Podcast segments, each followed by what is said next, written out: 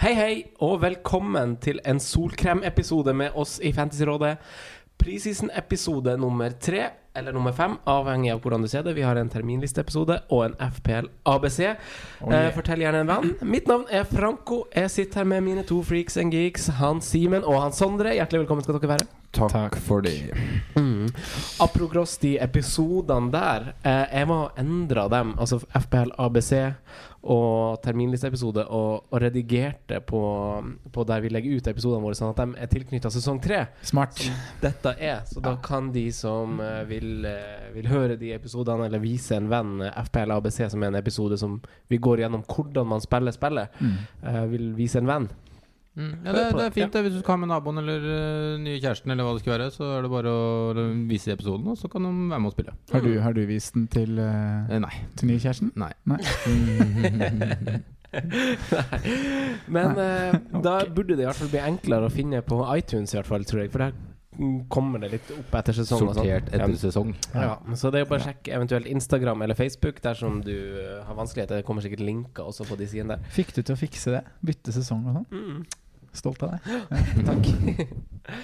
I dag, gutta, så er det jo fem nye lag som står på agendaen. Det er Westham, Leicester, Everton, Wolverhampton og trommevirvel Manchester United. Oh yeah. Yes. Men før vi dykker ned i lagene, så har vi jo gjennomgått de ti første lagene i de to første episodene som nå skal være ute. Mhm. Eh, de to episodene spilte vi inn 11. juli. Så det har jo skjedd eh, litt signeringer. Det har vært noen treningskamper siden det. Eh, Trossard, Che Adam, som vi snakka varmt om begge to, har bl.a. funnet nettmasken for sine respektive klubber. Eh, har det skjedd noe i treningskamper, Sondre, som du har fått med deg? Nei, som du sier, eh, Trossard og Adams har funnet nettmaskene. Mm. Eh, Brighton slo vel eh, involvert i en syvmålskamp mot et lag jeg ikke husker akkurat, akkurat i farta, men det var fem ulike målskårere. Og Solly Mars, som var, eh, ble mest, eller fikk mest skryt i lokale, lokale aviser og på hjemmesiden til Brighton.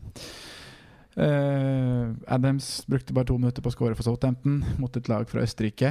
Uh, jo, Det er sånn det er i treningskamper nå. De Elvere blir jo bytta, en omgang hver. Så enn så lenge er det ikke så mye man legger i det. Men det er gøy å se at de spillerne vi har, har på watchlist, uh, slår til fra start. Da, sånn som Adams og sånn som Trossard. Eh, Sheffield United har gjort en ny signering som er veldig spennende. Callum Robertson. Robinson. Robinson, ja. Robinson ja. Ja. Fra Preston, er det det? Ja. Uh, kom inn til 5-5, står som midtbanespiller.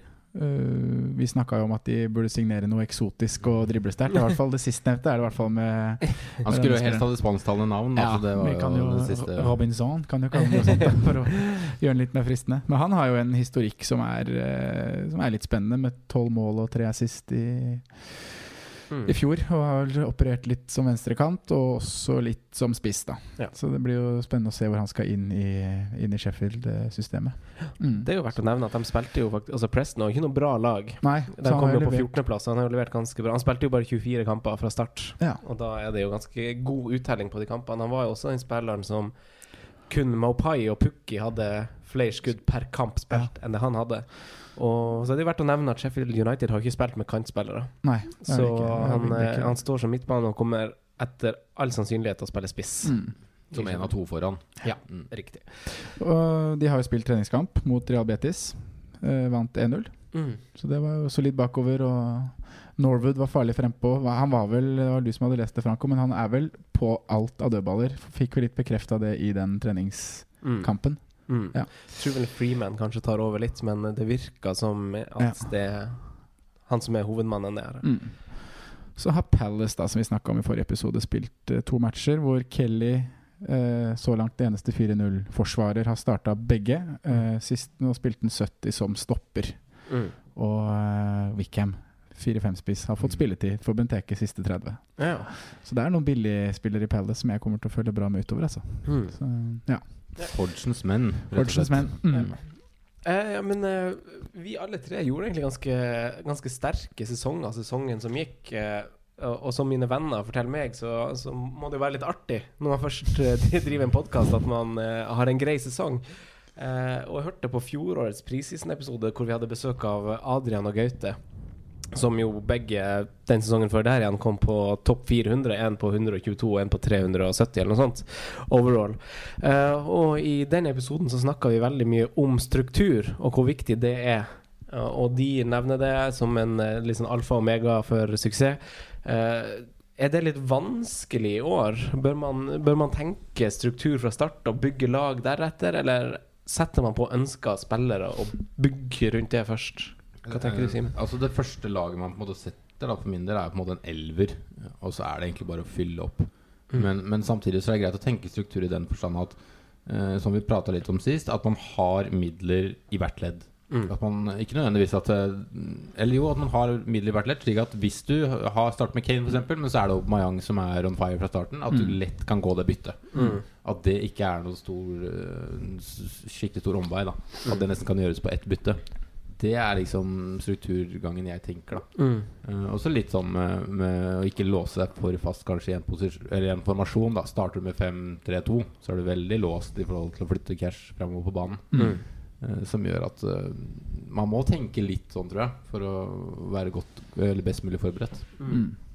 Ja, hva tenker, hva tenker du rundt det, da, Sondre? Nei, jeg er enig i det. Og nevnte jo det i forrige episode med det med å låse seg veldig til tre billige spisser, f.eks. Det, Mm. det blir lang vei til en, eh, en dyr spiss hvis det skal vise deg at det er en som leverer. Um, men du bygger jo laget ditt først og fremst rundt ønskede spillere, Mm. er det jeg tenker. Du, Mm. eh, og da er jeg veldig inn på den filosofien med hvilke spillere som jeg i starten anser som kapteinsemner. Mm. Eh, topp top topp to, topp tre på den lista. Og så, Hver runde de første 7-8 rundene. Og Ja. så og så, så ja, sette de, og så, og så bygger man rundt det, da. Mm. Eh, og da vil jo det naturlig nok eh, eh, Det vil jo bygge en strukturert tropp. Fordi Mm. kapteinsemnene ligger jo litt på midtbanen og litt på topp. Mm.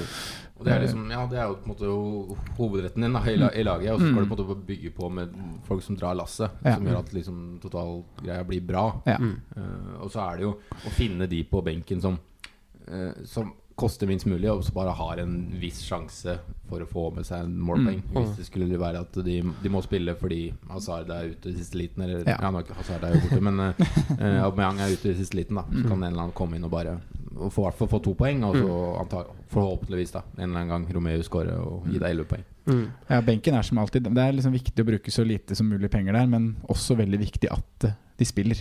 Ja, det er jo det. I hvert fall at én eller er, to spiller. ja. Så du har så å si alltid elleve mann. Mm. Eh, rent hypotetisk, da. Eh, Harry Kane Mm. starter mot Aston Villa hjemme. Mm. Eh, se for deg et scenario hvor dere, hvor dere ikke starter med han. Mm. Eh, og, så, og så ser vi en Kane som alle for to sesonger siden hamrer inn mål mot Aston Villa. Ok, Kanskje ikke krise å gå glipp av den neste kampen, som er mot City borte, men så har han plutselig en deilig hjemmekamp igjen i Gameweek 3. Mm. Eh, altså, få, altså hypotetisk altså, Få han til, til inn til Gameweek 3, da hvis du legger opp en plan til det. Få han til på to bytter. Er det noe man legger litt vekt på nå i starten for å gjøre det uten å ta minus for å få han på? Altså, Altså, det er jo bedre å ta minus nesten i starten for å liksom bare få, få med seg prisstigninger, få med seg Mm. um, Ja, Få med seg seg på de toga som er viktige, da.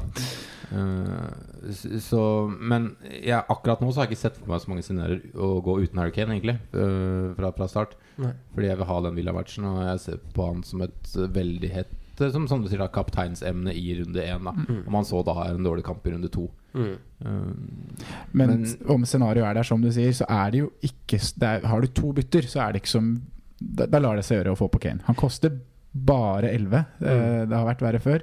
Eh, og da har du en spiss som koster 9. Og har sier byttet, da. Ja, eller Wilson eller noe sånt. ting, Og Mm. har du da byttet til, så, så går jo det fint. Men så er det det igjen at eh, man sparer jo ofte bytte fra Gamevik 1 til Gamevik 2. Mm. Men det er litt dust å gjøre seg avhengig av å måtte spare det for at du skal få på, Mm. få på Kane. Mm. Uh, men da igjen, som Simen sier, så er det kanskje det beste tidspunktet å ta de minuspoengene på, er jo i starten. For det er veldig lang tid å tjene de inn igjen på. Mm.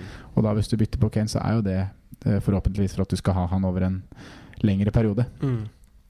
Men er da, altså for, for å på en måte gjøre klart for å kunne sette på en sånn top dog, så, så er det jo tenkelig at man Altså sette på en bill, altså Si at du skal dekke et lag i forsvar bak. Mm. At du da velger en billigere spiller. F.eks. du går Coleman istedenfor Luca Dean, for da har du 0,5 der. Og da Altså, De har vært ju- mer enn ju- 0,5 ja, ja, det, var, det, var kanskje, det, ja, men det var kanskje et dårlig eksempel, men dere skjønner hvor jeg vil. Mm. Altså velger man litt sånn lavere prioriterte spillere og sparer dem man kan ja. Spa, spa, ja, City får jo faktisk en forsvarsspiller etter all sannsynlighet som spiller til 5,5, da. Så kanskje to, til og med, som det ser ut nå. Men uh, altså, gjør man det? Prioriterer man litt ned eh, spillere som eh, som Laporte, da det er kanskje et bedre eksempel. Laporte til 6-5, isteden setter på Stones, f.eks., som spiller til 5-5. Eh, Sinchenko, hvis han eh, viser seg å skal spille. Altså, da sparer man jo én der. Gjør man det? Ja, man Ja, kan jo man fort kan gjøre det. det, hvis det- man føler at totalpakka blir bedre. Ja, og det var litt det jeg var inne på forrige episode. Jeg tror også det her med det veldig store pengebruken som er bak per nå, eh, tidlig i juli, den kommer til å roe seg utover preseason. For jeg tror at uh, frykten, panikken og lysten liksom, Du vil ha Kane på laget. Ja. Det kommer til å være så mange eh, som, som gjør da at du må faktisk skyve litt mer av det budsjettet framover i banen. Mm. Uh, det, det, er, det er det jeg sånn, tror, da. Ja, jeg føler det alltid blir sånn. Ja. Og, og jeg ser ikke for meg at lag går med eh, Ja, Si at du går med seks offensive, da, altså, Mm. bortsett fra forsvarsspillerne. Jeg, ser Ja. for meg at det blir 3-4-3. Ja, eh, 4-4-2. Ja. Som de to klart mest brukte. Og da blir det kanskje at du går for to som er veldig dyre bak, og som Robertson, uh, eh, Trent f.eks. Og så blir det da en B, kall det gjerne en B-løsning, da. At du Mm. går uh, Stones istedenfor Laporte. Mm. Hvis Stones er gitt å spille fast, da. Ja. Eller Chinchenko. Ja. Ja, Vi snakka en del om Forsvaret i forrige episode, og hvordan verdien er hos de, og hvor masse poeng de fikk sesongen som gikk. Eh, men det spiser jo en del av budsjettet dersom man skal ha alt, og troppen blir jo ganske skeiv eh, Mm. dersom eh, det blir eh, sånn som folk snakker veldig mye om nå, at det skal være litt baktung. Har dere noen tanker rundt det? For det føles jo litt som at man skal ha alt, og at det kan ende opp man ikke får noe som helst dersom det er man bygger sånn.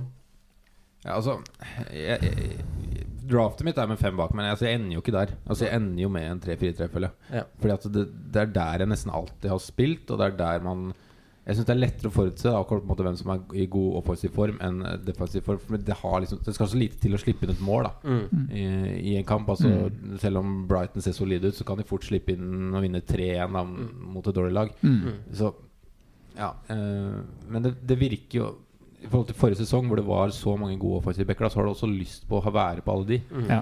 Men jeg, jeg ser for meg 3-4-3 til nøds 4-4-2. Ja, jeg, ja. ja. Nei, jeg ser for meg 4-4-2 eller 4-3-3 ganske Ja. mye, egentlig. Uh, og det spilte jeg også Eller 3-5-2. Ja. Eh, men jeg tror den 3-4-3 eh, Kanskje ikke så Jeg tror ikke det er den det kommer til å bli fra start, i hvert fall. Men eh, det, det, det, er så tidlig å si, for du har Det må skille seg ut noen av de billigspissene som virkelig tar en plass der til Mm. seks. eh, og det da Da løser det mye, tenker jeg. Mm. Ja, det er vanskelig å forutse den før, eh, Ja, og- før sesongen. Ja, også på midtbanen. eh, de billigspottene. Du kan ha den Donker som spiller, men Mm.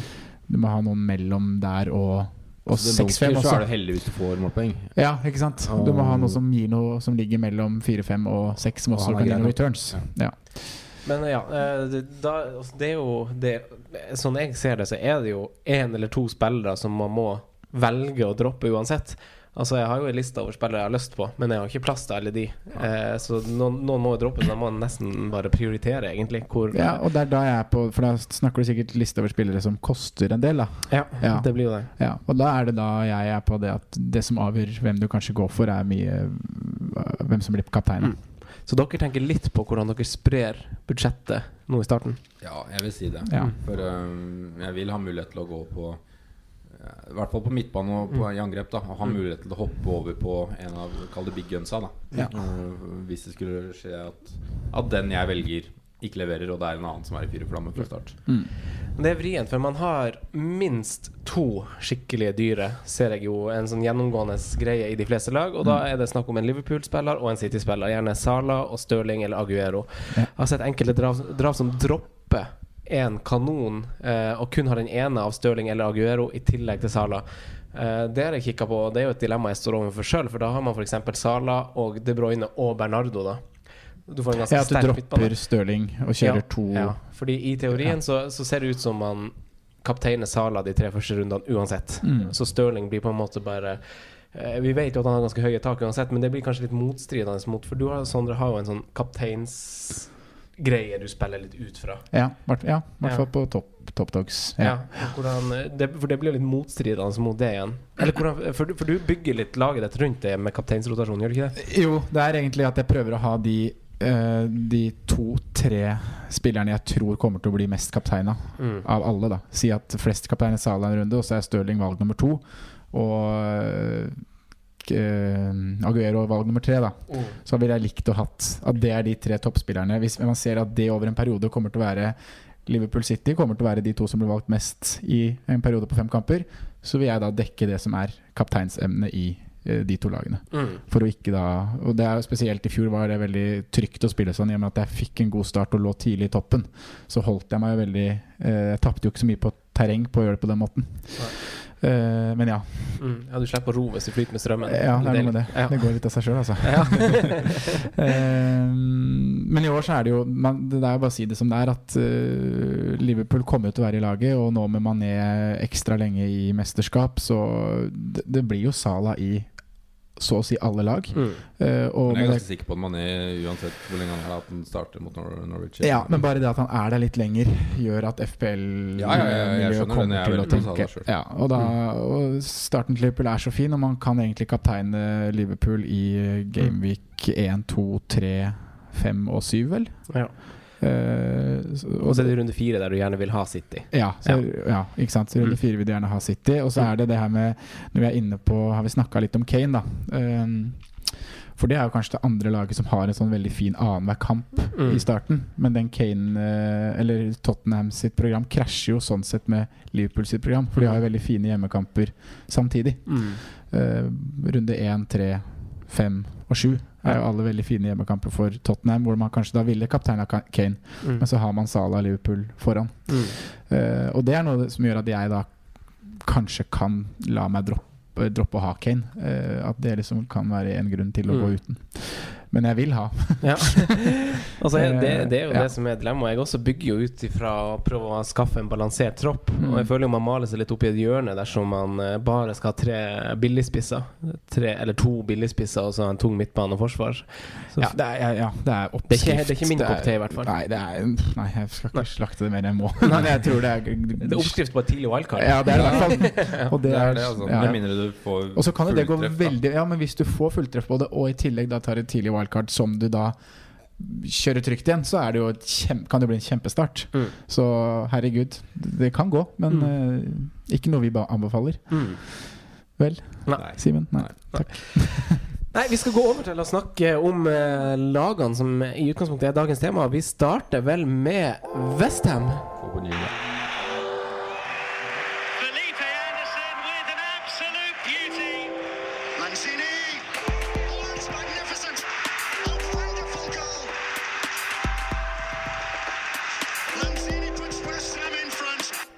Sondre, i fjor var det jo flere enn bare ett troll i, i angrepet til Westham. Eh, nå har de heldigvis for alle parter sin del blitt kvitt det største trollet av dem alle. Han har forsvunnet til Kina. Samtidig har eh, Fabianski omsider fått sin fortjente prislapp på fem. Mm. Programmet er grønt. De har signert eh, som de har gjort under han godeste Pelle. Litt sånn friskt, litt smart, litt småfrekt. Mm. Absolutt. Ja, ja, ja. Hvor er det? Eh, nei, det er, så, det er litt småfrekt, som du sier. Og for meg så jeg blir litt sånn uh, hvert år. Jeg. Westham, jeg liker Westham litt. Jeg syns det er kult å, kult å følge litt med på det de driver med. De signerer jo mye kule offensive spillere som jeg har sansen for, og det er jo litt uh, FM-basert òg. Det er mange FM-legender i det laget der nå. Eh, men også mye, det er mye spennende krutt offensivt, da, eh, som har vært veldig uheldig med skader. Eh, ta Lanzini, ta Jarmolenko i fjor. Mm. Arnautovic også alltid har hatt en kropp som ikke har vært å stole på i det hele tatt. Og jeg regner med det er han du refererer til når du, når du snakker om at de har blitt kvitt det største udyret av alle. Det er ikke Adrian i Nei. mål. Så dere farvelen han Arnatovic fikk? Det var altså Hvordan, hvordan, ja, Ja, hvordan nettsida skrev det, var bare sånn Snakkes. Ja, men jeg Ja, litt, forstår litt sånn liksom fortjent. Sånn som han har holdt på det siste med ny kontrakt og ja. Eh, men jeg har mange troll der i fjor, som du sier. Jeg var inne på flere av de personlig. Hadde, hadde jeg både Chicharito, Arnautovic, andre sånn Og Fabianski, Mm. som har fått prishoppet, da. Mest fornøyd med Masuaka og flytta ned til forsvaret. Ja, for den uh, gikk jo du på i fjor. Ja. Du skulle ha med noe midtbane. Eh, ja, men I fjor havna de jo midt på tabellen og var sånn stabile midt på både på hjemme- og bortetabell. Eh, Niendeplass på hjemmetabell og ellevteplass på borte, og tiendeplass totalt. Det Mm. vitner om et jevnt lag, men det er jo ikke akkurat det vi, det vi tenker på når vi, liksom, når vi ser kamper med Westham. Det er jo et lag som det er stor variasjon i prestasjoner og veldig høye topper og veldig lave bunner. Eh, kan jo være, se ut som et skikkelig defensivt maskineri og holde nullen mot City, og så går de inn og slipper fire mot Bournemouth. Så Det er ofte god underholdning da med Westham. Det det. Du veit ikke helt hva du får. Du kan, du kan gå, se en match, og så kan den egentlig ende alle veier. Mm. Nesten altså, uavhengig av hva, de møter. Mm. Det er kult, da. Eh, overgangsmarkedet så langt så har de henta to nye reservekeepere. Eller to nye keepere, som er, begge er tiltenkt en reserverolle. Um, og så har de jo da, som du sier, henta en veldig spennende spiller i Pablo Fornales. Mm. Um, det lille jeg har sett, er jo da selvfølgelig YouTube. Og så så jeg litt det han gjorde i U21. eh, U21-VM nå i sommer. Og det var jo For det her er jo en eh, Det er nest dyreste signering av Westham noensinne har gjort. Eh, og det de sies at de skal være heldige som hadde den avtalen i boks før det mesterskapet i sommer ble spilt. For han var jo veldig frisk for Spania da. Hadde noen målpoeng der, og de gikk jo hele veien. Og han var en av, en av de som bidro godt til det, da. Ja. Eh, men det er en spiller som i fjor hadde han ikke særlig med målpoeng. Han hadde tre skåringer og to assist i Villarreal. Han spiller jo en offensiv midt, offensiv venstrekant. Ja. Mm. Eh, Men sesongen før der så hadde han tre skåringer og tolv assist. Da. Så han har jo vist, vist at han kan levere målpoeng.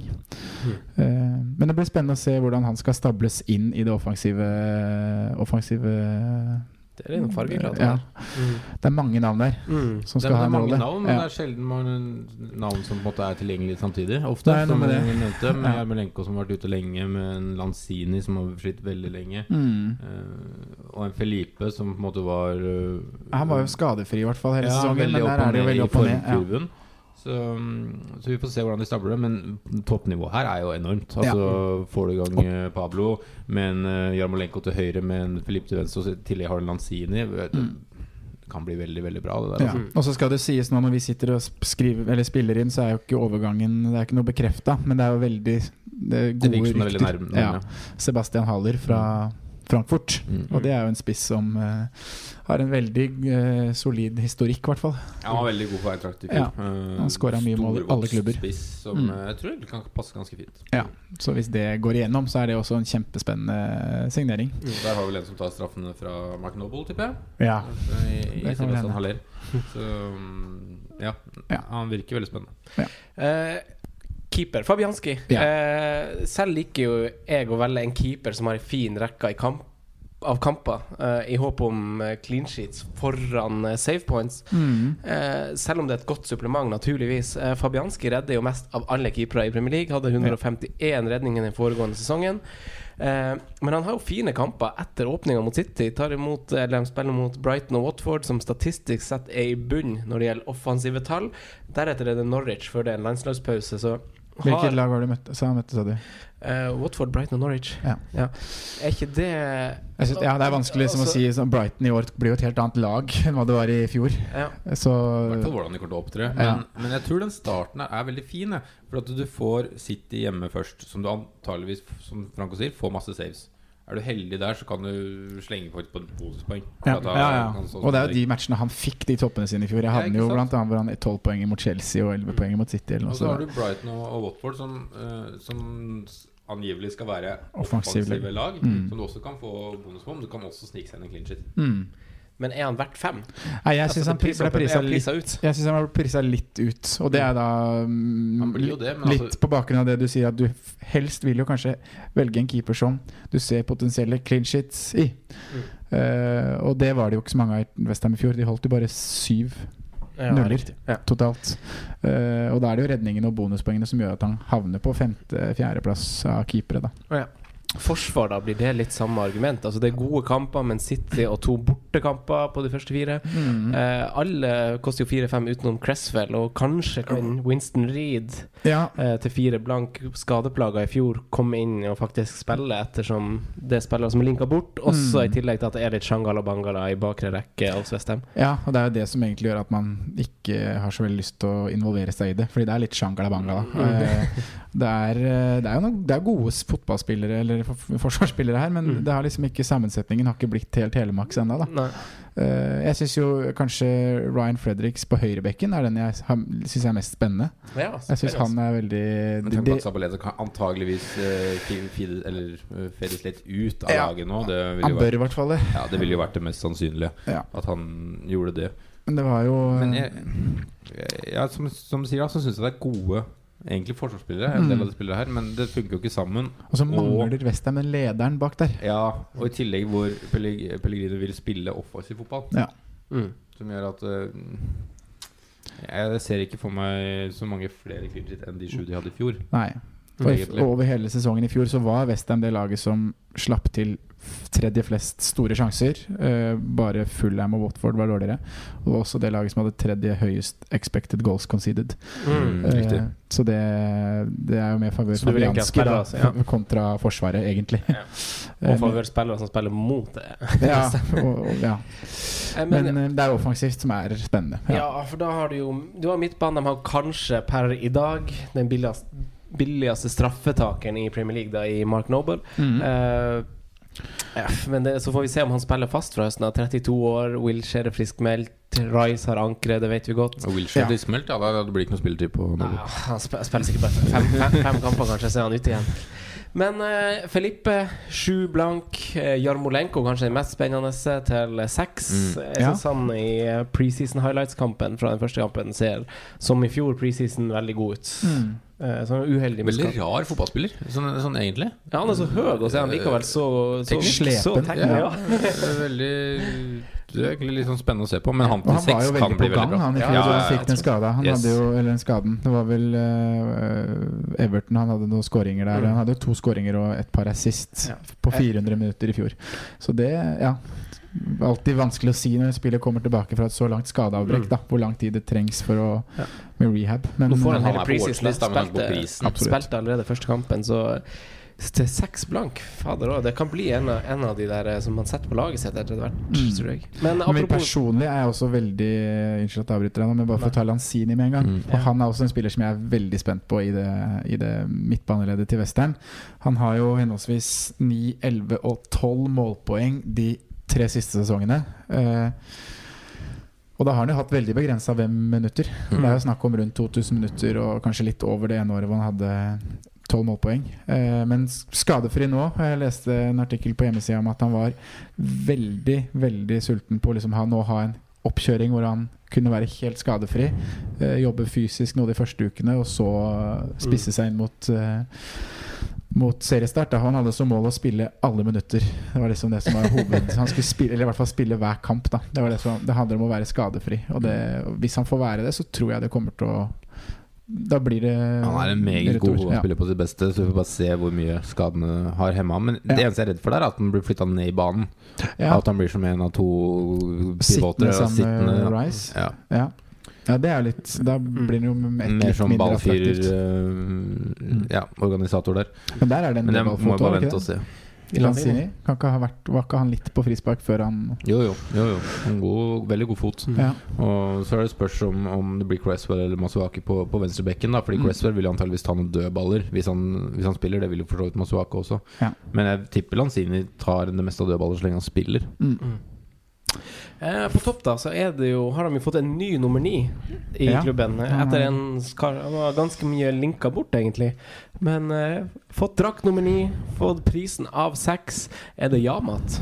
Enn så lenge er det jo Yamat. For nå er det ikke noe annen eh, spiss Eller Yamat. Det er ikke sånn at man sluker det med begge hender, holdt jeg på å si. Men det er, han er jo i hvert fall en av de som virkelig Enn så lenge er det jo ikke så mye konkurranse her. Men nå er jo kanskje situasjonen helt annerledes når denne episoden er ute, da med Mm. ny spiss inne. Men uh, jeg hadde Chicharito periodevis i fjor, jeg. Han ga Mm. meg Ga meg noen skåringer da, men syv skåringer og fire assist. Spilte 1300 minutter i fjor. Lite. Det er lite. Mm. Så jeg syns det er greit levert, jeg, på Ja. det lille du har.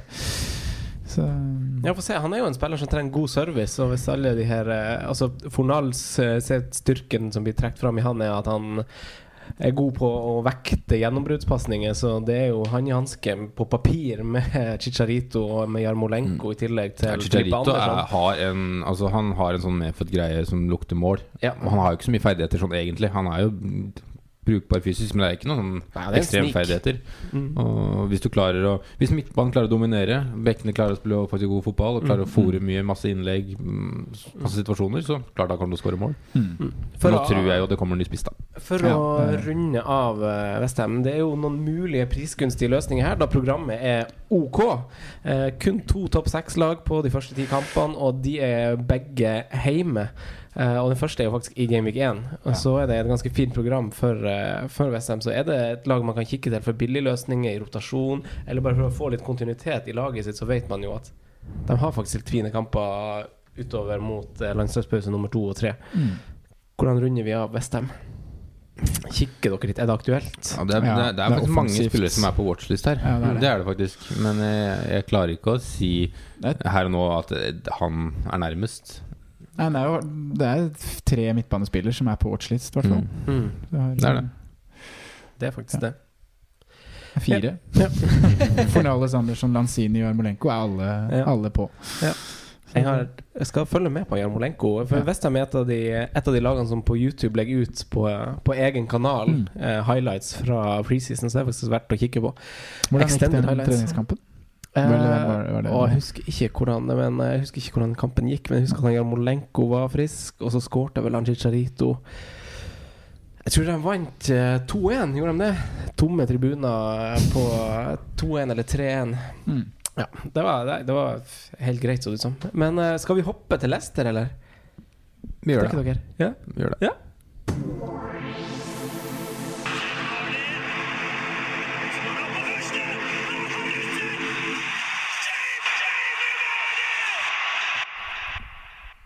Leicester City, Simen. Okazaki han er satt fri. Eh, det samme er kompisen til eh, Jamie Carriger, Danny Simpson. Hvordan fortsetter Leicester eh, med Rogers bak spaken, Simen? Jeg har ekstremt tro på det laget her, jeg nå. Med, med Brennan Rogers og, og formen de hadde på slutten av sesongen. En fått uh, signert Jule Tillemann, som var egentlig en åpenbaring eh, siden han kom til klubben. Og en veldig spennende signering i Ayose Perez. Det eneste som på en måte er sånn urovekkende akkurat nå da med, med, med Leicester, er um, at Harry Maguire virker å være på vei ut. Mm. Uh, og det er nok et stort tap. Det er et større tap, tror jeg, for, for Leicester enn en, en um, Gevinsten for laget som gevinsten for laget som kjøper den, Ja. faktisk. Mm. Jeg tror det. Eh, så får vi se, da.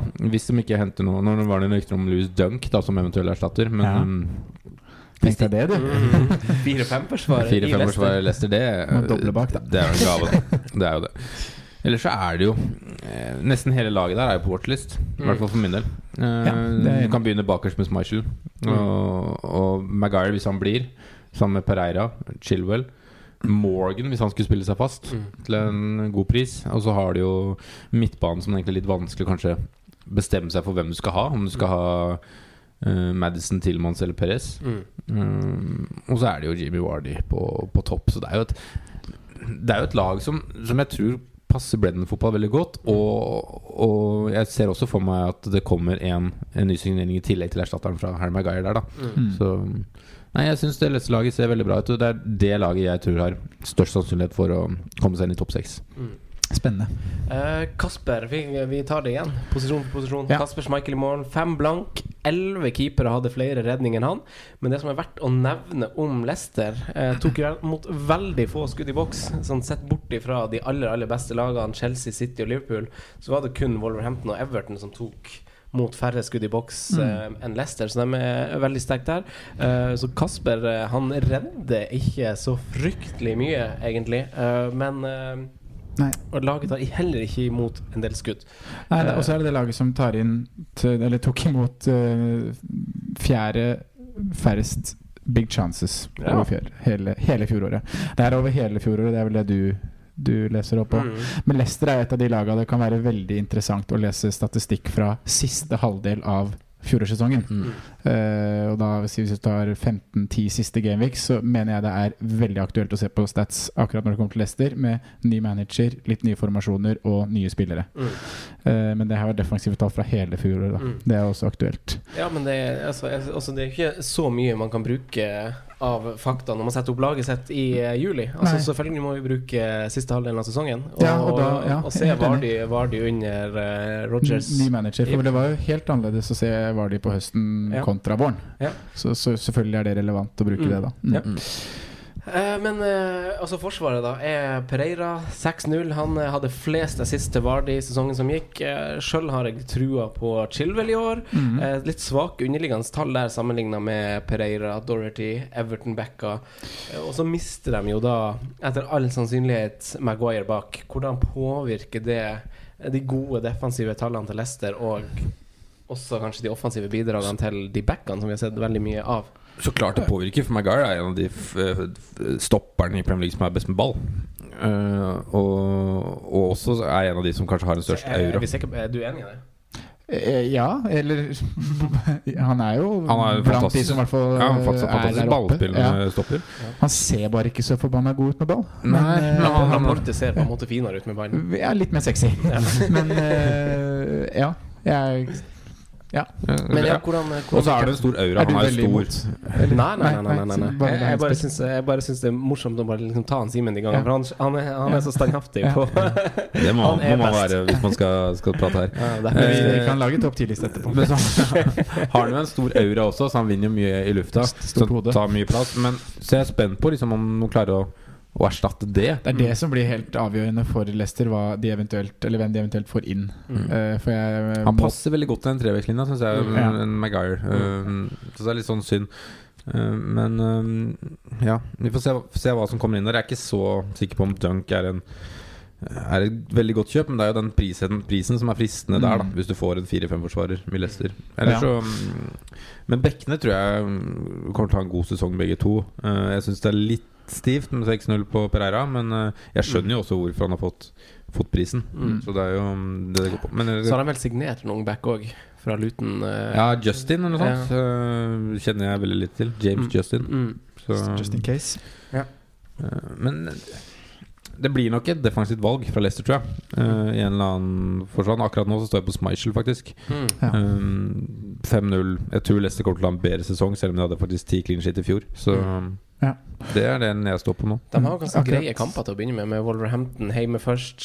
Kanskje Wolverhampton er midt i eh, Champions League-møkka deres. Og så, og så er det jo Chelsea, da som vi ikke vet hvordan hell blir. Og så er det jo to grønne kamper igjen etter det. Mm. Det er liksom blanda drops, da, egentlig, den seriestarten. Hvis du ser de åtte første, da. Mm. Ja, i hvert fall etter første landslagspausen. Da blir det jo litt kjett. United borte, Spurs, Newcastle, Liverpool, faktisk. Mm. Tre topp seks-lag av fire kamper. Så får vi se da historikken om at Leicester er øh, fortsatt uh, big team slayer, da. Ja. Om de Det er å spesielt offensivt, kanskje de er uh, Mm. gode. Men per nå så står jeg selv på Chilwell, da. Ja. Uh, og det er liksom mellom, mellom Schmeichel og Pereira. For jeg syns også Pereira er litt stivt til seks, Mm. seks blank. Eh, og så har, sitter jeg på en måte med en følelse av at Chilwell var det, det, var litt, det var vel et par assist som skilte de i fjor, og Pereira hadde skåringer som Chilwell ikke hadde. Men uh, jeg føler jo på mange måter at han har en god fot og kanskje var litt underbetalt. Eh, underliggende tall så var Pereira ganske overlegen. Ja, han var det. Det det reagerte jeg Ja, på. det er liksom research nå. Men litt sånn Pereira highlights spilte jo en del kant i fjor, også Det er det som før skal Det var vel før Brennan. Tror jeg. Jeg vet ikke om han gjorde det under Brennan også. Mm. Men uh, det òg er noe som på en måte Det er jo positivt det hvis det skjer igjen, Ja. for all del. Men jeg tror ikke det kommer til å skje like ofte som det gjorde i fjor. da Nei, nå har de flere alternativer foran der òg. yes. Så, Så, um, Jeg tror nok de er- tallene er jevnere. Jeg føler det er litt mer sånn målfarlighet i Pereira. Han skjærer liksom litt mer inn i banen. Der er mer ligger naturlig ute. angriper, på en Ja, måte. der Chiver ligger ute og slår de eh, svingerne med venstrefoten, så kan Pereira også dra inn, og selv om han er veldig høyrebeint. Men Ja, men han er sånn dribleglad, rett og er slett. det. Ja. Kan få noen billige straffer der og litt sånne ting. Han Gjorde vel det i fjor. Så, men den er, ja, den er litt sånn eh, tricky, den. For jeg vil også ha en vil kanskje ha en defensiv fra Leicester fra start. Mm. Uh, og da er det det vi var litt innpå innledningsvis her, om man skal gå 0-5 ned. da Fra Mm. et valg som kanskje er mer bedre å ha i Pereira. Mm. Men så er det jo pengemessig også et uh, Pereira hadde jo dobbelt så mange målpoeng med 2-8 versus uh, Chilwell sin 0-5. Ja, Så jeg var. tror nok det vil jevne seg litt ut, men det er jo en, bare en spekulasjon eller en teori, da. Ja, vi har alle litt trua på Ben Chilwell, vi. Ja, jeg er mer gira på han enn Pereira, ja. Ja, Mm. samme. Men er det helt hvis pris var lik? Om Nei, da hadde da? alle prisen vært lik, så hadde jeg tatt Pereira. Ja. Men jeg vet ikke om jeg er verdt 0-5. Nei. Enig. Nei. Uh, midtbanen da er jo, som Simen, som du uh, var inne på, uh, den er jo veldig spennende. Mm. Med Ayose signert, koster 6,5. Han er jo tydeligvis en vårmann, da. Blomstrer på våren. Eh, Godt apparat rundt seg, han Jamie nå, når Tilemanns i tillegg er der, James Madison Jeg og Sondre snakka litt om det i bilen, hvordan, eh, hvordan de kommer til å rigge her. Ndidi spiller jo alt. Eh, hvem spiller på en måte litt dypt med han? Blir det Tilemanns eh, mest sannsynlig? Og så er det Madison bak, og så flankert av eh, Ayose og Harvey Barnes, kanskje. Mm. Sånn det ser ut nå, eller Demarai Gray. Men hvor, Mm. hvordan er prioritetslista dere av uh, midtbanespillerne til Leicester? Ja, vel, jeg er veldig usikker på hvem jeg rangerer høyest av Ayose Perez og James Madison. Ok, Få høre, høre. Tenk høyt. Um, jeg føler Madison Hver gang jeg så Leicester i fjor, så syns jeg Madison var god. Mm. Jeg syns han var uheldig, jeg syns han styrte spillet, jeg syns han liksom var dominerende i stort sett alle kampene jeg så. Og, og jeg tror også Ayose Perez kommer til å gli veldig fint inn i det laget. Litt mer ballspillende. Passer liksom han bedre enn Mm. den trøkkfotballen Leicester Nei, Newcastle drev med i fjor. Helt enig. Så liksom Jeg tror jo jeg også Berit kommer til å blomstre til, men det er alltid litt sånn shaky gå for en som har bytta klubb, da. Mm. Uh, så det er den. Og Hvor lang tid bruker han Ja, hvor lang tid bruker den? Ja. Mm. så syns jeg liksom da Madison egentlig var uheldig med poengsummen i fjor. Syns han kunne hatt mye mer målpoeng. Mm. Allikevel fått et prishopp. Ja. Ja. 0,5 opp. ja, syv blank. Mm. Uh, så ja, eh, det er de to som Men jeg, jeg er ikke så gira på Tillmann, selv om han også er en veldig fin fotballspiller. Men jeg tror ikke han kommer til å matche poengsnittet da, til de to gutta foran han. Hvorfor ikke? Djupere i banen, eh, litt mer tilfeldig føler jeg at han fikk de, de målpoengene han fikk, enn da Jeg følte kanskje han overpresterte, mens Mm. James Madison underpresterte i Mm. rene tall. Mm. Det syns var jeg er et ja. godt poeng. Ja, Nei, det var der det var veldig mange som virka veldig fornøyd når Tilemans kom til prisen av 6 6-5. eh, og jeg mente syns det er at- stivt. Veldig det var en underprising, er det mange som mener. Mm. Eh, og der er vel kanskje vi litt enige. At det, jeg føler også det er Ja, om ikke stivt, at det er helt, helt greit. Da. Han skulle i hvert fall ikke kosta noe mer. For som du sier, så var assisten Eller skåringene er jo stort sett langskudd. Mm. eh, og assistene er eh, alle er tilfeldig Det er ikke tilfeldig alt, men, Nei, det er, nei, eh, han, har en, han har en veldig god link med Vardy, f.eks., og Mhm. tro, tredde gjennom han mye fra dypet.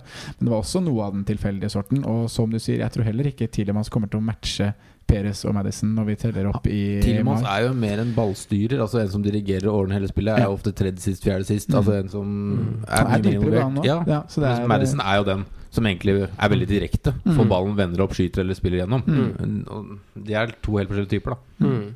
Men det er, det er prisen der også blir en faktor som kanskje gjør at Perez for min del er mest spennende. Mm. Eh, men igjen mest også usikkert, fordi han har eh, eh, kommet til ny klubb.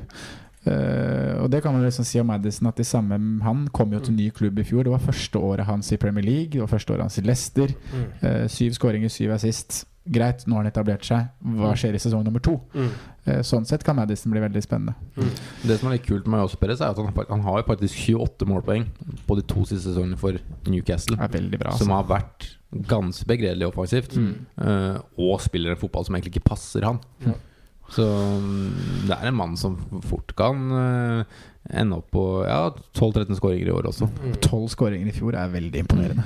Hvor mange av de kom på våren, det har ikke jeg tall på. Men Nei, det var altså, mange, han var vel Han den hadde som vel spilte hat mest trick på våren. Ja. På slutten der også. Eh, men det gjorde han også i sesongen før. Men på topp, da. Uh, Vardi kommet inn til ni. Mm. Han starta de seks siste kampene, så klart, og var involvert i da 67% av Leicester sine skåringer. 51% over hele sesongen. Så en større mainman får du ikke. Eh, Fantasy PL Norge på Twitter hadde en tweet basert på Leicester i, og sine siste ti kamper med Vardi. Flest mål, flest store sjanser, flest skudd på mål, flest skudd i boks av alle spillere i hele Premier League. Mm. Eh, det er jo altså, Basert på- igjen på det fakta vi vet når vi setter opp laget nå, så er det jo veldig mye som peker på, på Jamie. Mm. Hva tenker Ja. dere? Jeg syns de har gjort en ekstremt god jobb og prissatt den egentlig ganske perfekt. Som gjør at han er veldig vanskelig å bestemme seg for. Ja. Fordi um, tar du han, så får du egentlig nesten ikke råd til den premiumspissen du vil ha. Da blir det ofte Vardy som den dyreste spissen. Mm. Um, men samtidig så har du veldig lyst på ham, fordi at han er, koster jo bare ni. Ja, for det hadde heller ikke stussa hvis han hadde vært prisa likt som Lacassette 9-5. Nei, nei, Jeg hadde liksom tenkt at ok, det er helt, Helt greit. greit. Helt greit. Så Så jeg syns det er en veldig vanskelig pris mm. å Mm. forholde seg til, men uh, selvsagt til Jimmy Wardy. Er det Ja. noe som er mer fixture-proof enn han? Nei, det, Altså noe, som- noe som du kan føle deg trygg på å spille i alle kamper? Nei, det er klink. Men du har Kane i august som du er redd for, du har Aguero på bortebane. Han var jo ikke favoritten under Puel. Han ble ofte bytta ut, eller uh, en del Ja, satt inn, faktisk. Men var- um, jeg ser jo ikke for meg at Brennan tenker noe annet enn at han er stjerna foran, liksom. Ja. Nei, altså den våren som Franco refererer til her, som han hadde i, under Brennan nå, er jo Ja. Det var jo en, det var en ny vår. ja, bokstavelig talt. Ja. Eh, Nei, så det er eh, kjempe, kjempe, kjempespennende. mm. Hvordan eh, runder vi av Leicester? Det er jo en favoritt, eh, registrerer jeg, eh, i, i, blant, blant oss i hvert Ja. fall, som oss kikker til og supplerer med City og, og Jeg syns de har et veldig spiller. interessant, spennende. Men jeg Mm. håper egentlig litt at de beholder Maguire for, for Leicesters del, Fordi da hadde de Mm. hos meg vært uh, favoritt til å gå inn i topp seks. Altså. Ja, det vært kult. Off, den er klarer ikke å beholde han. Den ser så Mm. Den ser så klink ut i den årgangen at Ja. ja. Mm. Dessverre. Det får jo penger som kan brukes her, da. Så det Mm. burde være mulig å hente seg inn en erstatter, selvfølgelig. Og Brennan har eh, kasta bort mye penger før, han. Så ja, det mm, vet vi du alt se. om, Simen. Men Leicester er det aktuelle navn i alle ledd. Ja, Mm. faktisk. To strek under svaret, og så skal vi hoppe til uh, Simen sin favorittby etter Pausen. Ja. Dingeren. ja. Ja. Sigurdsson. Well done. Sigurdsson.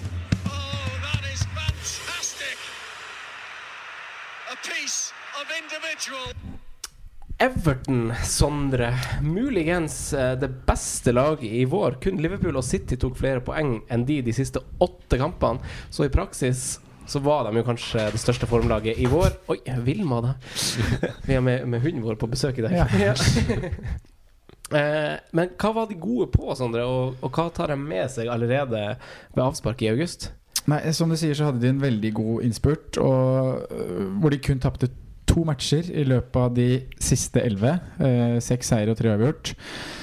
Og det de egentlig var gode på da, som de ikke fikk, stemme, fikk til å stemme i, på høstsesongen, det var jo det defensive.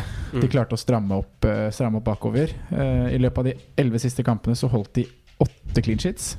Og det er rimelig rått. Det er helt rått. Ja, eh, og det var jo der den største forskjellen egentlig lå. Eh, var ikke så veldig mye bedre offensivt. Eh, Gylfi våkna noe mer utover våren enn hva han eh, gjorde på høsten. Eh, Richarlison var liksom jevn over hele sesongen, og som målsnittet til Everton var også jevnt gjennom både høst og vår. Mm. Eh, men det var det at de klarte å, å gjøre noe med det defensive. Eh, hadde 14 clean sheets totalt, som Mm. også er veldig bra. Mm. Uh, men da når eh, eller Første clean sheeten kom ikke før i Gameweek 7, og da når 8 av de 14 kommer i løpet av de siste 11, så sier det seg selv at det har, det har skjedd en forandring bakover på banen da, i, Mm. eh, i insert-spurten. Og det Mm. ser du også hvis du ser på de Sammenligner de underliggende tall da fra siste Jeg har gjort det med siste seks gameweeks, eh, hvor Everton er det laget som slipper til nest minst store sjanser. Eh, slipper til nest, fest, nest færre skudd i boks og har nest lavest expected goals conceded. Ja. Eh, så er det jo veldig bra for de siste seks. Eh, mens da ser man over hele sesongen, så er det jo liksom midt på tabellen da, over alle de, Mm. alle de statistikkene her. Mm. Så det var den store forandringen. Så spørs det da, som du sier, om de klarer å ta det med seg inn i, inn i ny sesong nå. Mm. Det er jo veldig, blir veldig spennende å se. Er Spennende å se om å Om Mina på en måte får en full god sesong, da, eller om hvordan de skal på en måte erstatte er det Zuma som var der i fjor. Da. Ja, for det er Det det, er som er et veldig godt han poeng. er. Eh, og han var jo Han var jo Spilte jo Så å si det meste. Det var vel I den perioden på slutten her Så var det vel Keane og Coleman som hadde flest kamper Mm. uh, i forsvar. Men uh, Kurt Zuma var veldig stabil da, i Mm. Man kan jo også se for seg en, en Jeremina som spiller seg fast og, og begynner å være litt gira på offensive dødballer. Da, så er det Mm. ikke mange som tar han i lufta. Altså, Nei, vi snakka mye om det da han signerte i fjor, at vi gleda oss til å få, få en han som skulle Ja, stange inn. han fikk vel ikke noe Jo, han fikk én En scoring scoring, i, i fjor, ja. Ja. ja. Men er han bare ikke god nok? Nei, jeg, jeg tror ikke det. Jeg tror ikke det, Helt ærlig. Jeg tror ikke han øh, har tempo Altså Fysikken har han jo. Altså Rå styrke har han Mm. åpenbart, men jeg tror ikke han har tempo nok. Nei, det er noe som mangler der. Hvis du tar overgangsmarkedet, så har det ikke skjedd noe spesielt å snakke om. De har henta Jeg henta André Gomez, da, som er en veldig god ja, signering. permanent Mm. kommet. Og så har Løssel kommet inn som en god nummer to. Og så gjorde de en ny signering i går. Fabian Delf. Ja, er det bekrefta? Ja, i går. Nei. Er det sant? scrolla i går, men jeg Fabian Delf, 9 millioner. Ja. Kjempesignering, da. Blir det en ny sånn James Milner-effekt her? Ja, det skal jeg ikke se bort ifra. Ja, Hvis Fabian Delf er bekrefta, det er jo Ja, det er det. Ja, ja men det er, eh, det er eh, spennende. Mm. Fordi Vi prata om det i stad, Sondre. Ja. Det var bekreftet. Nei da, det ble ikke bekrefta. Men Ja, det det er er kult. bekrefta. Latest transfer, ja. Fabian Delf. Mm. Forsvarsspiller til 5-5. Ja, skal han spille bak? På spillet, ja. På spillet. Han står som forsvar. ja, han står som forsvar. Ja, han skal jo spille Oi. midtbane. Ja, ja, ja, jo stilig, stilig. Den er veldig spennende, den der, faktisk. Out of position the right way. Ja, Mm. faktisk. Oi, der har vi vår andre Everton-spiller, faktisk. I tillegg til Coleman eller Lucadin. Ja, Hva skjer med Luckman da? Men ja eh, Ja, fortsett. Nei, eh, kan du ta litt lag eh, Ja, skal vi ta det? lagdel for lagdel? Pickford. Ja. Overpriser. Altså, altså Ikke det, det er jo fair med antall mål de slapp inn, Ja. eh, altså, men han kommer jo til kort i prisklassen når man setter opp laget sitt nå, når Ja. du ser De Hea, Loris, Kepa er prisen Han er jo egentlig ikke overprisa, men han blir utprisa. Ja, ja. en Ja. Ja, han gjør det. For da, da velger du jo heller Ja, Fabian Delf Ja. til 5-5 hvis du skal ha defensivt fra Everton. Mm. Mm. Ja, enig. Mm. Forsvaret, uh, der er det jo Digne, da. Ja. Lucadin, som alle snakker om. Uh, og det er også veldig forståelig. Mm. Uh, fire mål og fem assist uh, fjorårssesongen. Underliggende av forsvarsspilleres, eller underliggende tall, da, så er det jo bare Robertsen som skapte flere store sjanser. Eh, så vet alle hvor frustrert vi kan være over innleggene til Robertsen. At Trent er jo, skapte jo flere sjanser totalt enn hva Robertsen gjorde i fjor. Mm. Men i hvert fall på det som blir notert eh, av Oppda, da, så er det Digne som skapte flest, eller nest flest. Eh, helt overlegen på innlegg, som Mm. vi også nevnte i forrige episode. Det er eh, 180 innlegg totalt. Nummer to på lista er Hollebass med 208. 280 på Digne, altså. Mm. 280 på Hollebass. Eh, jo to, altså, det er jo to av de aller, aller beste venstreføttene i, i ligaen. ja. ja, de svinger de inn. Eh, og samme nøkkelpasninger var også Hing- eh, Digne høyt opp. Eh, ikke så aktiv når det kommer til skudd og skudd i boks. Så han er jo mer enn eh, komme seg rundt og legge innlegg, eller tidlig innlegg, da. Mer enn hva han er inn i boks og avslutter selv. Ja. Men han er jo høyaktuell fra start, eh, selv til prisen av seks, og da spesielt med tanke på programmet som Everton har fra start, som Mm. også er veldig fint. Jeg har ikke, hatt et draft uten. Ja. Nei, men det er mange som spørs liksom, Blir Coleman litt oversett her? Det er jo det som er eh, et spørsmål man kan stille seg. Jeg måtte gjøre en sammenligning av de to. Ja, Og da har sikkert du noen gode tall på sammenligningen som du kan ta. Ja, skal, skal jeg gjøre Nei, for det, det, det, blir, det blir litt sånn Jeg nevnte innledningsvis om den her 05, om den kan utgjøre en forskjell. Sånn at jeg kikker litt på det. Og sett over sesongen som var, så er jo Digne veldig overlegen, underliggende osv. Mm. Sett bort fra én ting, og det er jo som du er inne på, eh, Sondre, det er jo touch i boks. Ja. Eh, det skal sies at Lukadin hadde jo seks kamper mer, eh, Mm. så det blir litt sånn skjevt som fordele. Det er ganske mange minutter der. Men jeg sjekka da på de siste seks kampene, for der har jo begge spilt. Ja. Og, og for å Nå skal jeg prøve å holde tunga rett i munnen her, men avslutninger først. Lukadin hadde syv. Eh, Coleman hadde fire. Det er det verdt å nevne at Lukadin tar jo frispark mm. i ny og ne. Touch i 16. Lukadin fire. Eh, veldig veldig langt ned på lista der av forsvarsspillere. Eh, Coleman 15, veldig høyt opp. Innlegg 52 innlegg på seks kamper, Lukadin. Eh, Coleman har 14. Like mange mål, begge skåret ett. Ingen er sist. Sjanser skapt, Lukadin 15, Coleman 2. Store sjanser skapt, altså da snakker vi spillere som blir spilt på blank gold. Altså Lukadin har skapt 15 sjanser, men det er innlegg som, som kommer til ei heading som Ja. kan, kan gå uansett. Men store sjanser skapt, det, da snakker vi eh, Calvert Lewin spilt på blank gold, holdt jeg på å si. Og da, der har Coleman faktisk fem, og eh, Lukadin ingen. Ja. Så det kan slås et slag for han òg, og det, det- kanskje, kan kanskje sammenlignes litt med Leicester-backene. Vi har en som en som kommer veldig mye rundt, slår masse inn, men som i tillegg tar dødballer. Og så har vi Coleman som gjerne kanskje søker litt inn i boks og er i litt sånn målfarlige posisjoner. Mm. Og det jeg også vil skyte inn da for å, liksom, den Coleman-saken, det er points per game Mm. i 2019. Altså fra Gameweek 21 Og og ut sesongen. Så har da Coleman en points per game på 6,5. Mm. Og det er eh, nummer fem i ligaen Ja. av alle spillere. Mané, uh, Trent Alexander Arnold 7,1 points per game. Laporte 6,9, Sterling 6,6, Coleman 6,5. Så er det Aguero, Wilson, Salah, Vardy, Robertson, van Dijk under der. uan, Kan slås et slag. Ja, det, er- det, er, det er greit nok. Det er gode, Men- veldig gode tall, men Da skal bare, nevne- bare for å skyte ned er ikke skal foten jo- verdt 0,5, da? Altså en dødball eh, Altså at Jo, han tar dødball? At han tar dødball hvis han gjør det, da. Så mm. han gjør jo det, i hvert fall deler av de. Han deler jo med Gylfi. Men mm. eh, den dødballfoten er kanskje verdt 0,5. Mm. Men uh, Coleman kan vurderes. Ja. Ja. Jeg ser jo eierandelen er jo veldig skeiv. Mm. Det er jo veldig Altså det er 2-3% på Coleman, og så er det godt over 20 på, eh, på Ja. Lukadin. Tør man å doble? Ja, det blir jo tripling hvis vi ikke kan ha Delf i tillegg. Ja. Nei da, men det er bare sånn Selv også har jeg ikke hatt et, draft uten Digne. Uh, og jeg sa vel i forrige episode at jeg skulle ha tre over 6-5, for jeg tenkte at han kosta 6-5, men han koster jo da bare 6, og jeg Mm. syns jo det er uh, kjempebra pris til han. Eh, så det er ikke det at jeg sitter her og sier at Coleman skal på uh, istedenfor Digne, men han skal, han skal få en mention. Mm. Og det kan være en av de du går ned 0-5 for å stable totalitet som er bedre. Ja. Eh, det- midtbane, da. Altså Gylfi Richarlison koster begge åtte nå. Uh, Bernard til 6-5. Han rulleres nok litt, og er derfor eh, prissatt litt ned.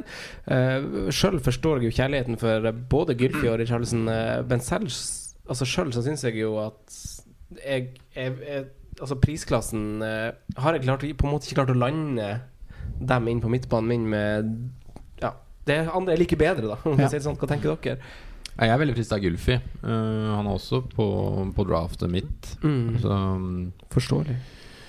Ja, og så hadde jo en vanvittig sterk avslutning i fjor, da. Uh, Jeg var egentlig sånn, litt sånn under radaren hele sesongen. Var Mm. veldig høyt oppe, men det var nesten ingen som eide den. Mm. I hvert fall ikke av de jeg spilte med eller mot. Mm. Så um, Jeg fristes å ha fra starten, i hvert fall med det programmet.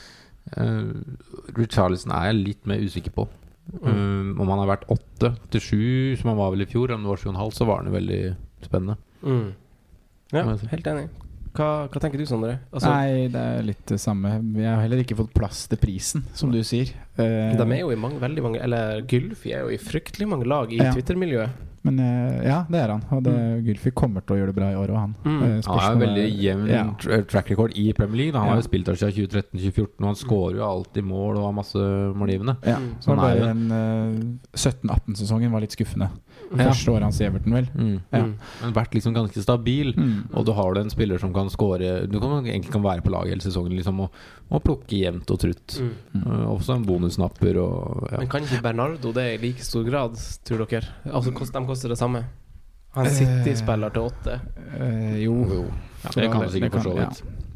Hvis man skal, hvis man skal Ja. ha en poengplukker som bare plukker Ja, spennende. jeg tror kanskje Gylfi havner høyere enn Bernardo Ja. Silva totalt, men ja. Men jeg syns jo det er litt spennende å snakke om Richarlison og så eh, dra inn alderen hans, jeg, da. Mm. For han er jo fortsatt en Han har hatt to sesonger i Premier League nå, og en ung fyr da Mm. som blir sikkert mer og mer voksen for hvert år som går, og er med på ting nå. Eh, Han kan jo ende opp som spiss her òg. Ja, det kan Ja, han også kan gjøre. Det. og det var han jo til tider i fjor, så spilte han jo out of position, og det var jo da veldig positivt. Men jeg tror også det, han kommer bare til å bli bedre og bedre. Mm. Og kommer til å variere, men eh, det er jo Vi ser jo en åpenbar eh, Det blir jo bedre for de to sesongene som har vært nå. Selvfølgelig stigende kurve, og jeg tror også det kan eh, komme det neste år. Så er det jo coachen sin gullgutt her, da. Vi Mm. prater om altså tar med seg fra Watford. Og, og det er jo han man nesten vil bygge rundt her. Ja, det er jo det. Og fòre. Mm. Eh, Everton og City, de to eneste lagene eh, som kun møter ett topp seks-lag i løpet av sine første ti. I Evertons tilfelle så møter de City på hjemmebane, men det er først i Gameweek 7. Altså De har seks strålende kamper hvor du slipper å tenke på om du spiller en, en Everton-spiller eller ikke. Uh, så, så spørsmålet er om det er lurt med to. Kan Dominic Calvert-Lewin være et godt alternativ på topp til seks blank, uh, siden jeg møter antatt dårligere motstand i de seks første kampene? Ja, det kan han hvis, være. han, hvis, han, Ja, hvis han spiller. fast, så kan Ja. han det. Mm. Men jeg Må få noe Han var jo en viktig del av den her vårformen. Ja. Han hadde ikke ei voldsom uttelling i form av mål og målpoeng, men han var jo 11 målpoeng. Han spilte Ja. jo, jeg husker jo Jeg han er fortsatt ikke overbevist om at han blir en Premier League-spiss. jeg, da. altså, jeg tror ikke han Det er har noen åpenbare mangler der. ja, jeg, altså, jeg skjønner jo ikke hvis Everton ikke kjøper en spiss. Altså, De må jo handle en spiss. Mm. Ellers så er det Richarlison ja, som skal spille på Da må de eventuelt dekke hans posisjon på kanten. Da. Ja. Men altså, det er jo de Men det er trenger jo sårt en spiss. Ja. Mm. Men de trenger jo litt sårt Trenger ikke sårt en kant òg, men jeg syns jo De har jo Det er ganske tydelig liksom Gulfi skal spille der, uh, Richarlison på den kanten. Og så da Jeg syns jo det er litt åpent på den siste kanten. Ja. Bernard, eller- Jeg syns jo Walcott Bernard det er liksom De kommer til å rullere der, men jeg syns også Luckman må inn i den uh, diskusjonen der. Han starta jo og ble skada i første preseason-kamp, da, men de minuttene han fikk i fjor, var han jo frisk. Mm.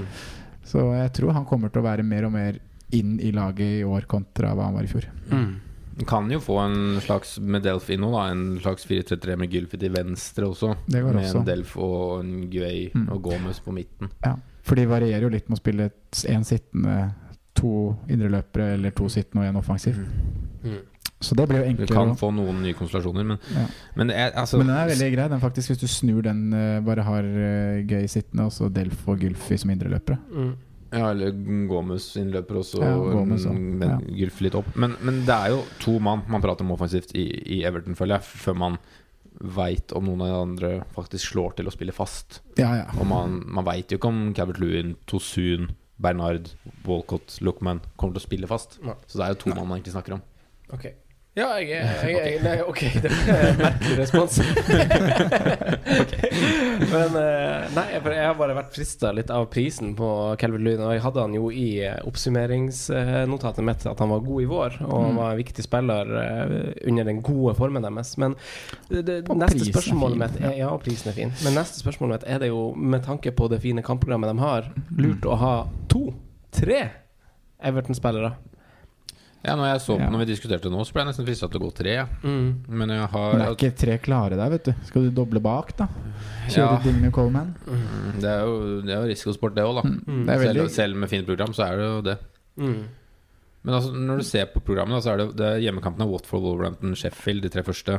Ganske greie hjemmekamper. Jeg tror Watford kanskje Er Watford er et lag som kan skåre overalt, Mm. men det er fortsatt et lag det er potensielt mulig å holde en clean sheet mot. Absolutt. Ja. Wolverhampton veit ikke helt hva vi får i år. Det skal vi diskutere som neste lag. Ja. Mm. Og Sheffield tror jeg det er god mulighet for å holde en null. da Mm. Så har du bortekamp mot Palace, Villa og Bournemouth, hvor jeg tror de scorer f.eks. i alle. ja. Så det er jo Det er jo grønne skoger helt til de møter City runde sju. Ja, det er faktisk det. Uh, men uh, da legger vi den død, og så hopper vi til uh, nevnte Wolverhampton, da, eller? Ja, gi meg en jingle, da. Ja.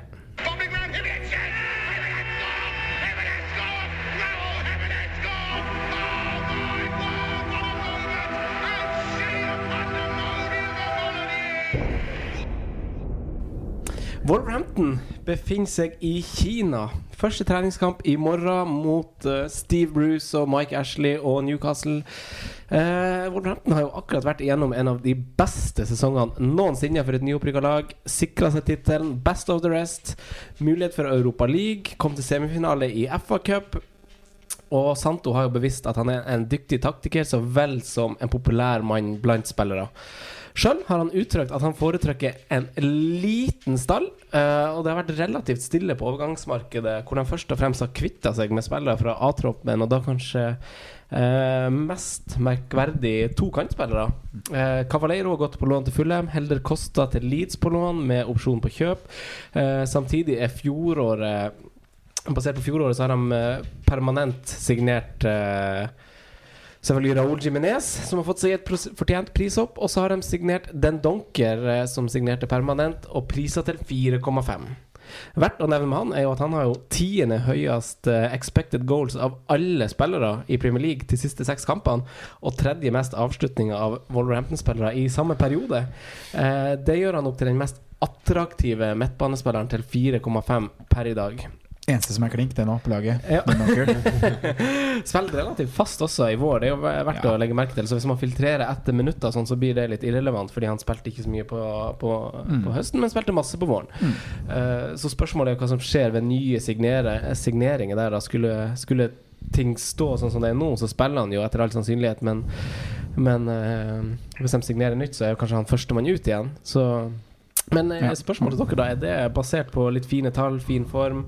uh, spillere man ønsker inn i laget sitt? Er det en spiller man med far, altså Man kan se seg litt blind på pris. da Kan det være en spiller som til 4-5 faktisk kan spille? Uh, Bekle en enabler-rolle for å finansiere spillere du ønsker, og så bare spiller du han i håp om at han kan få eh, angrepspoeng i én av fire, én av fem kamper. Jeg syns jo det Den Donker først og fremst skal, skal være på laget for å sitte på benken, jeg, da. Eh, Jeg tror ikke det er så mye målpoeng, selv om tallene hans på slutten av sesongen var ganske ålreite. right Så sånn er det jo en Ja. ja, skal, for meg skal han sitte på benken. Mm. Og det er ikke tiltenkt noe, noen startplass i noen som helst Nei. eh, Nei, du tenker litt sånn å legge opp til et 4-4-2-lag, kanskje, da hvor du har både den Donker og Romeo. Og så skal du spille den Donker? Er det den liksom Ja. du tenker på? Ja. Oi, Oi sann. hvem er det ring- hvem er det ringer? Der ringer min venn Runar på FaceTime. Ja. Eh, Ehm, ja, jeg svarer som Simen, jeg. Tiltenkt en uh, benk. Men Mm. eh, det er ikke krise å spille en donker. Nei. Men uh, litt krise er det. Litt krise. det er Han var jo mye i boks, da. Jeg Ja. vet, nå datt jeg litt ut av de tallene du nevnte her. Men jeg husker at han er jo en av de som kommer litt sånn Ja, ja. bakfra og tar Ja, Mm -hmm. når Doverty når dørlinja, så kommer den donker innafor 16. Mm. Ja. Ja, nei, absolutt. Den, jeg bare følger litt med på i preseason hvordan rolle det ser ut som han eh, drilles i, i hvert fall. Mm. Eh, jeg tenker jeg tar dere litt gjennom eh, lagdelene. Eh, først keeperplass. Eh, eh, Patricio, eh, Wolverhampton sin nummer 11. Han fikk jo Mm. nummer 11 ettersom Ikeme, keeperen, ble alvorlig syk og ble tvunget til å legge hansken på hylla litt tidligere enn vanlig. Derfor valgte Wolverhampton å frede den trøya i én sesong. Ja. Eh, derfor fikk han noe utradisjonelle nummer 11, da, godeste Patricio. Men, men jeg ser jo altså kun Liverpool, Chelsea, City tok mot færre skudd i boks enn det Wolverhampton gjorde. Og han, Patricio ble derav ikke satt på de helt store prøvene som mange andre keepere ble i hans prisklasse. Åtte clean sheets, ikke all verden allikevel.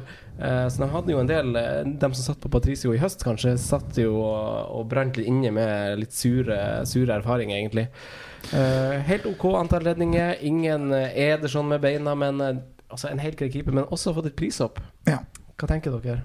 Nei, jeg syns det blir mindre aktuelt med det prishoppet. Og jeg er litt sånn med en enda bedre keeper, så kunne Wolverhampton slapp bare inn 46 mål i fjor. Men eh, med en enda bedre keeper så kunne de sluppet inn færre mål. For Mm. jeg syns ikke Patricio er det det, Han han sånn kanskje var en gang. men- keeperstil. Ja, det er nå. Det er kanskje at vi ikke er så vant til å se den type keeperstilen. Men, Hvordan, eh, hvordan type keeperstil er det? Nei, det er sånn Han er jo på en måte Han er ikke så veldig god med beina. Han, han Ikke så god i feltet. Nei, det er han heller ikke.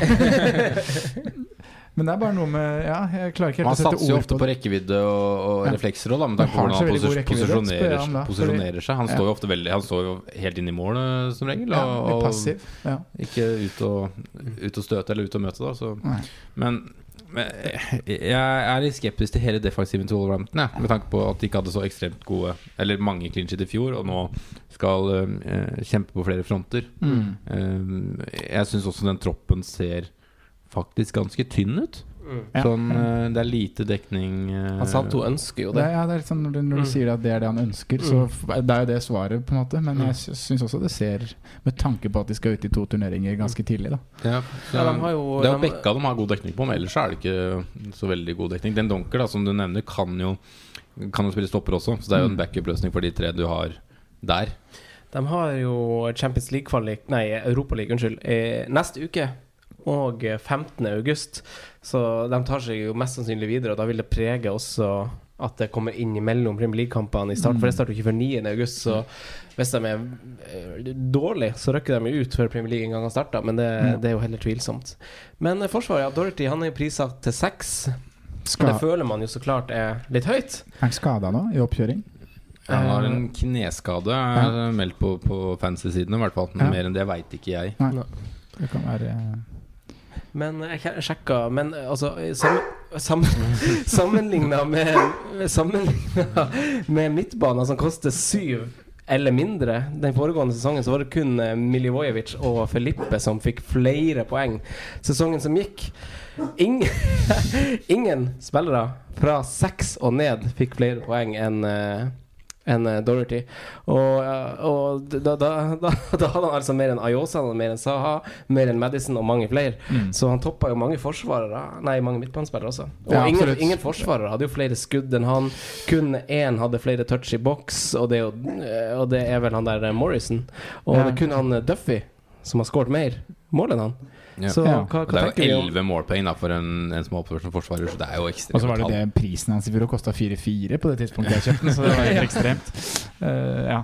Mm. Men uh, nei, jeg, jeg, har, jeg har ikke vurdert han til den prisen han har nå, egentlig. Nei. Men det er jo også igjen, hvis vi går tilbake til det med det Wolverhampton skal gjennom i starten, da. Mm. Men så er det sånn Det er jo det er 24 poeng da som skilte Boli og, og Doverty i fjor, Mm. som, eh, som er på en måte en mill. Eh, Nå er, er en mill verdt mer enn 24 poeng. Mm. Akkurat nå så fristes jeg nesten mer av Boli hvis jeg skulle gått en, en forsvarsspiller i Wolverhampton. Ja. Boli, det er artig at du drar han opp, for, for Otto Jonny, han, han er bare å glemme. Eh, tenker jeg til 5-5. Det- det- Han er prisa ut. Eh, Boli til 5. Han hadde jo nest flest avslutninger de siste seks, eh, seks kampene, og der er det kun Dorothy som er foran. Ja. Og, og likt eh, Og han er vel likt med Dorothy på andreplass med antall skåringer, faktisk. Kun bak eh, Duffy der, så, så eh, han har jo utvilsomt gått litt under radaren, Boli, og vi snakker jo fin prissetting der av 5. Mm. Så men uh, han har ikke noe rik historikk. Jeg måtte sjekke opp historikken hans av mål. Det er jo den sesongen han har skåret mest på av uh, alle sesongene han har spilt profesjonell fotball. Men kanskje han synker litt i pris dersom Ja, eh, den, den lille troppen preges av Europa League-kvalik. Av de forsvarsspillerne som koster 5-0 og mindre nå, da, så er det Boli og Nathan Ake som har mest, hadde mest poeng i fjor, Mm. på 120. Ja. Så det er jo en utvilsomt en som virker å være et godt alternativ. Det er det Ja. jo. Men så syns jeg altså prisen er 0,5 for mye, jeg, da. Mm. Ja, å- det kan til man å på være enig i. Wolverhampton og Men hadde det vært 4-5, så hadde han fort, fort vært på nesten alle lag. Ja, både og. For Wolverhampton og Bournemouth, da, som du trekker fram med Nathan eh, Kay, det er ikke lag man ser til for å hente forsvarsspillere som egentlig bare skal holde null. Når det er Da må det være noe- så er det jo Ja, da må det være noe til i tillegg, og da vet jeg ikke om det er nok i tillegg på Bolly, f.eks., Mm. til at jeg skulle gått for det til fem. Mm. Eh, Ja, han skåret jo fire mål i fjor, og det skal Ja. jo på en måte gjenskapes det for å få 120 poeng. da ja, og det Ja, jeg har mine tvil. Eh, midtbanen, da. Der er jo Den donker, det er greit. Eh, den har vi tatt. Eh, Motinho 5,5. Åtte sist ett mål. Eh, veldig god sesong. Neves eh, var en av straffetakerne. Eh, den første straffen han tok litt seint på høsten, var hans første touch innenfor boksen også. Så han holdt seg jo først og fremst litt på avstand egentlig fra det som faktisk er målfarlig. Så sett bort fra noen dødballer, så er det lite å håpe på egentlig begge de to. Eh, hva tenker dere rundt midtbanen til, eh, til Wolverhampton? Men hvis du tar bort Costa og Cavaleiro, da, så er det jo, det er jo så tynt. Ja, Mm. det er Det er jo, du har to sentraler som kommer til å spille, Motinho og Neves, og den Donker som også antakeligvis kommer til å spille. Så har du Traoré og Gibbs White. Altså, du har jo egentlig bare én kant, med mindre du tar med Jota. Da. Mm. Ja, vi, Ja, hopper, nei, vi hopper faktisk bare til angrep, og det er jo spissene eh, det er litt snakk om her. Altså, Raoul han spilte 34 kamper for meg sesongen som gikk. Helt sjef. Eh, han og Yota fant jo virkelig tonen eh, sammen. Og, og når han sistnevnte der eh, omsider knakk Premier League-koden Raoul koster nå 7-5, Yota 6-5. Eh, Wolf skårte kun sju mål på de siste seks eh, kampene, men det er noe uflaks bak det. De har en relativt høyere expected goals. Ja, hadde du noe å supplere med? Nei, jeg bare husker de siste kampene Jota, jeg satt på Jota. Ja. Det var noen kamper som var helt ekstreme, hvor han Ja. hadde tre i tverrlegger og sånne ting. ja. Så- Eh, Så eh, Raoul han hadde, jo, han hadde jo lite å by opp med på de siste seks. Han hadde kun én scoring på de siste seks. Ingen målgivende. Mm. Yota skåra to og hadde Nei, ja, og hadde én assist, eller motsatt. Og etter, etter våren å dømme, så er det jo Yota som har tatt over den mainman-rollen. Vi ser at Raoul har vært mer et sånn bindeledd, egentlig, i større grad. Og Yota er såpass direkte og søker så masse scoring sjøl, så Mm. Han har vel vært involvert i 53% av skåringen til Wolverhampton når han eh, faktisk spilte. Eh, direkte og egoistisk, litt sånn som vi liker det på Fantasy. Ja. Eh, kun Mané hadde høyere expected goals enn Yota de siste seks kampene. Og kun Sala hadde flere skudd i boks enn Yota de siste seks. Eh, og det var jo faktisk den spilleren jeg aller helst skulle ønske å starte sesongen med. Som jeg i vår bare første mann på blokka. Han skal med fra høsten av. Mm. Men så kommer Europa League her, og så ser programmet litt sånn semitøft ut. Det er, ja, det er ganske tøft, altså. Ja, det er det.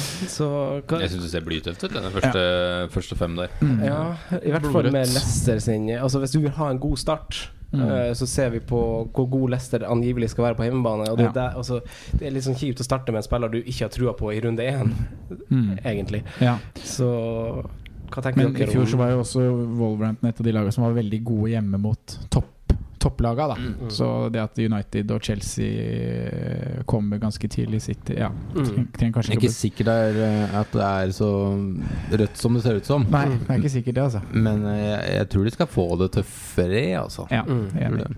Men eh, jeg òg var jo samme båt som deg hva gjelder Yota, Franco. Var jo Mm. hvis, jeg tenkte jo også det at han mm, skulle være med fra start. eh, Mm. Og hvis han klarer å Eller hvis Wolverhampton klarer å, å holde på med det samme som de gjorde i fjor, og Yota beholder vårformen sin, mm.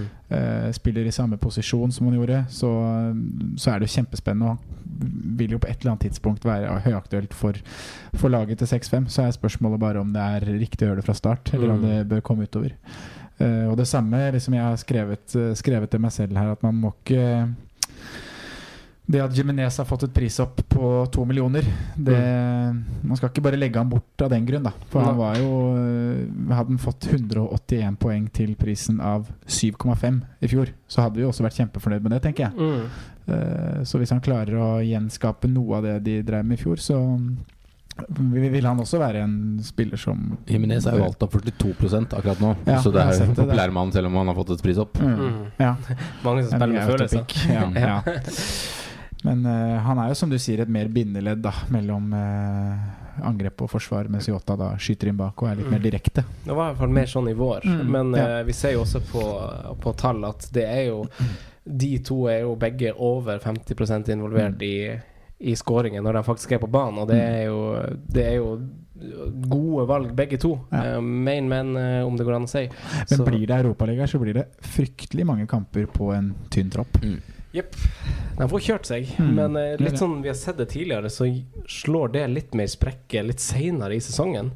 Ja, så er det jo litt sånn, Hva er det lag vil? da? Vil man trene eller vil man spille kamper? Det, er jo, det beste er jo å spille kamper, men det er jo for det er, men det er det rundt som er påkjenningen. Ja, Å reise spille kampen er jo og- ikke det verste, men det er den som du sier, reisinga, eh, restitusjon, få seg nok, eh, Ja. få nok hvile, nok mat. Det er jo eh, det Pep også sa. Det er Ja. liksom, altså, spillerne er ikke slitne. De ønsker å spille kamper, Ja. men vi må Lørdag, passe på at de ikke blir skada. Ja, ja, De kan det. ikke spille tre, tre kamper i uka hele tida. De, de, derfor må de liksom hvile. de kan, kan det hvis restitusjonen er optimal, da. Men den er ikke så lett hvis du skal fly til Bucuresti onsdag, og så har du kamp oppe i Burnley på lørdag. Så det er, det er det som er påkjenningen. Ja.